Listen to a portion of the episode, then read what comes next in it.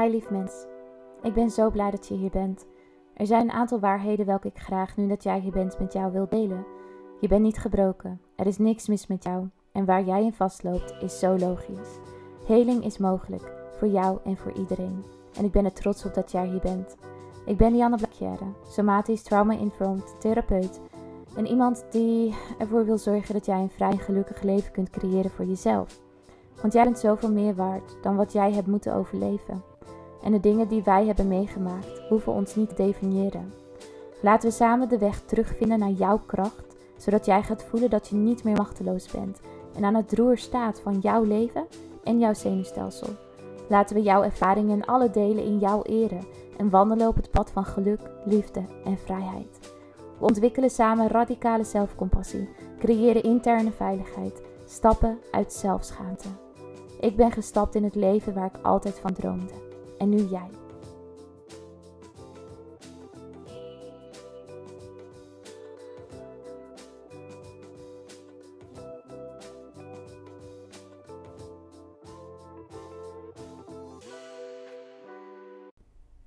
Dag lief mens en welkom weer bij een nieuwe podcast. Het is alweer een tijdje geleden dat ik een podcast heb opgenomen. En uh, fijn dat je er bent, fijn dat je weer luistert.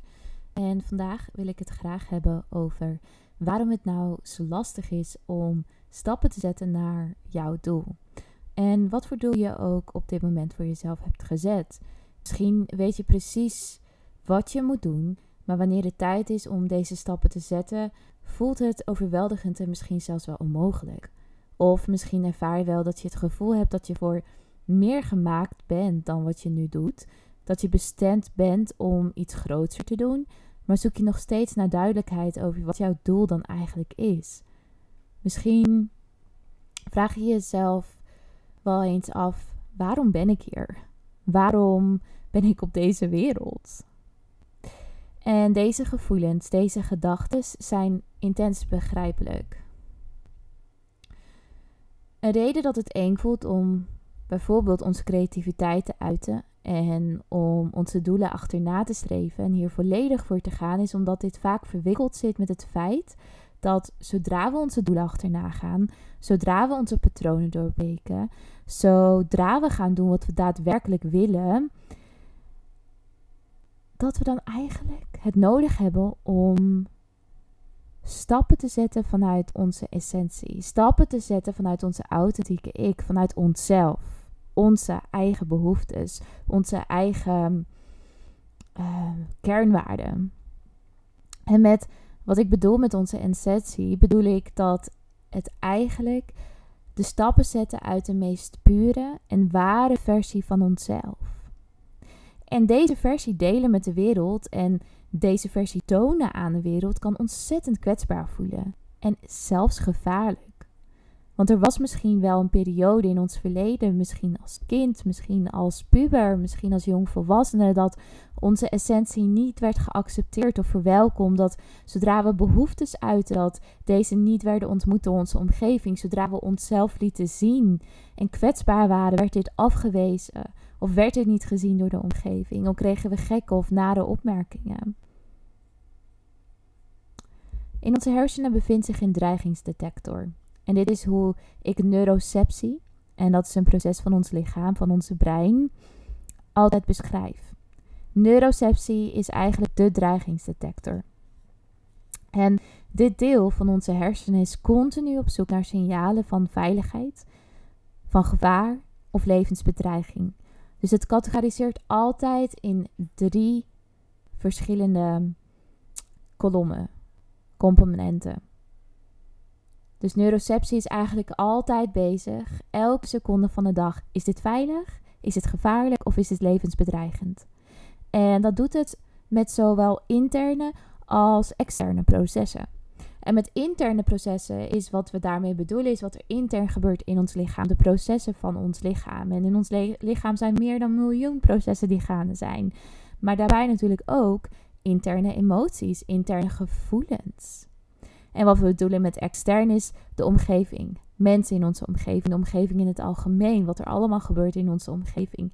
We staan allemaal met elkaar in verbinding. En ons brein moet continu alert zijn: is dit gevaarlijk? Is dit levensbedreigend? Of is dit gewoon veilig?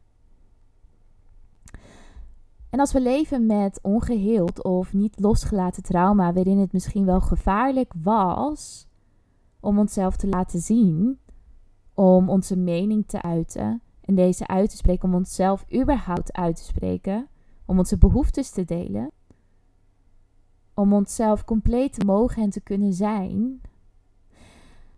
Als dat iets is wat jij herkent uit je verleden, dan kan het zijn dat elke keer dat jij nu probeert dit te doen, elke keer dat je nu probeert je mening te uiten, elke keer dat je nu probeert om je behoeftes te uiten, of überhaupt aan je eigen behoeftes te voldoen, of elke keer dat je nu uit jezelf een stap probeert te, step, om st stap probeert te zetten, omdat het voor jou fijn voelt, omdat dit is wat jij voor jezelf doet. En al lijkt het maar een klein beetje wat er vroeger gebeurde, zou jouw dreigingsdetector, die alles opslaat van wat er vroeger is gebeurd en vanuit die ervaring in die drie verschillende kolommen jou zet, gevaarlijk, levensbedreigend of veilig.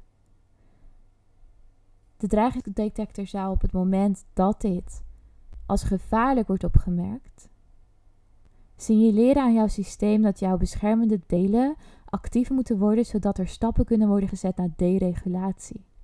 Dus elke keer dat jij iets doet wat je heel graag wilt, hè? elke keer dat je die patronen doorbreekt, elke keer dat jij merkt, oeh, ik ga mijn doel achterna streven, ik ga deze stappen zetten, of ik ga mijn behoeftes uit, of ik ga eindelijk aan mijn behoeftes voldoen, of ik ga mijn mening uiten. Elke keer dat je dat probeert te doen, zou jouw brein, zou neuroceptie zeggen: dit is, dit is levensbedreigend. Want dit was vroeger levensbedreigend. Toen werd je afgewezen. Toen um, kreeg je nare dingen over je heen. Of werd je in de steek gelaten, of wat het ook was. En dan creëert neuroceptie een, een bericht naar je zenuwstelsel van: hey, dit is gevaarlijk, ik heb gevaar opgemerkt. En het kiest dan voor fight, flight, freeze of dissociatiemodus. En dit verklaart ook waarom het misschien makkelijker is voor jou om in andere dingen van je leven wel stappen te zetten. Dingen die misschien minder kwetsbaar voelen of meer oppervlakkige dingen. Ik vind het bijvoorbeeld in mijn leven veel makkelijker om taken voor of ik vond het in mijn leven veel makkelijker om taken voor andere mensen uit te voeren dan voor mijn eigen bedrijf dingen te doen. Ik kon makkelijker koken, schoonmaken. En dat deed ik ook de hele tijd als ik dan achter mijn laptop zat, dan voelde ik die innerlijke... Oh, ik wil dit doen, maar het lukt me niet. Ik moet het doen, maar het lukt me niet. En dan ging ik schoonmaken, dan ging ik de deur uit, ging boodschappen halen of whatever. Daar had ik geen moeite mee. Of ik ging e-mails beantwoorden voor iemand anders, ging voor iemand anders werken. Omdat ik dacht, ik moet toch iets doen. En dat lukt me wel. Daarin stagneerde ik helemaal niet. Maar zodra ik de to-do's wilde gaan afvinken welke te maken had met mijn hogere doel, met mijn bedrijf, met wat ik nu doe en het delen van cursussen, het maken van een cirkel, het maken van een nieuw programma, een nieuwe cursus, merkte ik dat ik compleet vastliep. Ik bevroor en ik sloot mezelf volledig af. En dit was een extreem verwarrende ervaring. Ik wees mezelf hier ook heel erg voor af en zei dingen tegen mezelf als je vindt het niet lastig om voor andere mensen te werken. Dus waarom is het zo moeilijk voor jou om het nu zelf uit te zoeken en eindelijk een keer iets voor jezelf te doen? Of ik zei: Lian, kom aan, stel je niet zo aan. En start gewoon met één taak. En mocht jij jezelf hierin kunnen erkennen en herkennen, weet dan alsjeblieft en herhaal dit ook voor jezelf: er is niks mis met jou. Er is niks mis met jou. Het is eenvoudigweg gewoon zo dat stappen zetten naar je eigen doel veel spannender is omdat het van jou vergt om compleet verbonden te zijn met jezelf, met jouw authentieke ik. En je veilig te voelen in jezelf en veiligheid te creëren in iets wat je nog helemaal niet kent. Of wat misschien is opgemerkt als onveilig in je verleden. Wat als trauma is opgebouwd in je systeem. En het mooiste van je systeem is, het wil je altijd beschermen. Dus het zal altijd zeggen, nee, stop. Dit voelt onveilig. Laten we iets anders gaan doen. Onze taak, zodra we dit willen doorbreken, is om, op, om te bouwen aan meer capaciteit om met onze ware essentie te zijn en deze capaciteit te vergroten. Om onszelf stapje voor stapje veilig te stellen in het doen van iets compleet nieuws. Om onszelf de ruimte te geven, vol van begrip en compassie naar dit deel van jou, wat jou beschermt om deze stappen te zetten. Wat zijn de angsten van dit deel? En kunnen we de reactie van ons zenuwstelsel bedanken? De reactie die ons eigenlijk alleen maar wilt beschermen voor de afwijzing, falen of de overweldiging. We mogen ademen in dit gevoel. We mogen ons zenuwstelsel de erkenning geven. Dankjewel dat je mij wilt beschermen.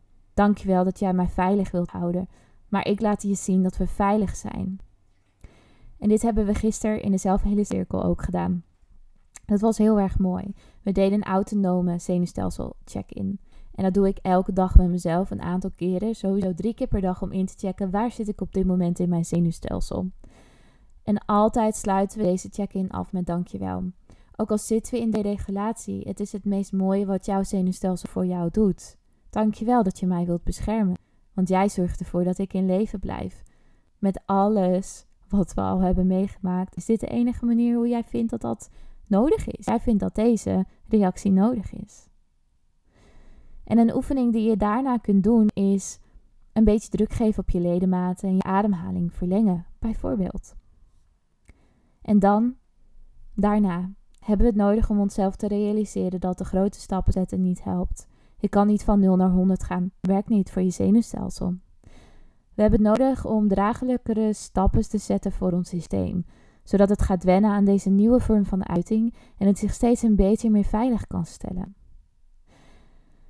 Een aantal dingen die je zou kunnen doen en een aantal vragen die jij kan beantwoorden voor jezelf. Kun jij jezelf zijn terwijl je naar muziek luistert die jij fijn vindt? Kun je vrij dansen, meezingen zonder schaamte? En misschien denk je, wat heeft dit te maken, Lianne, met mijn doelen?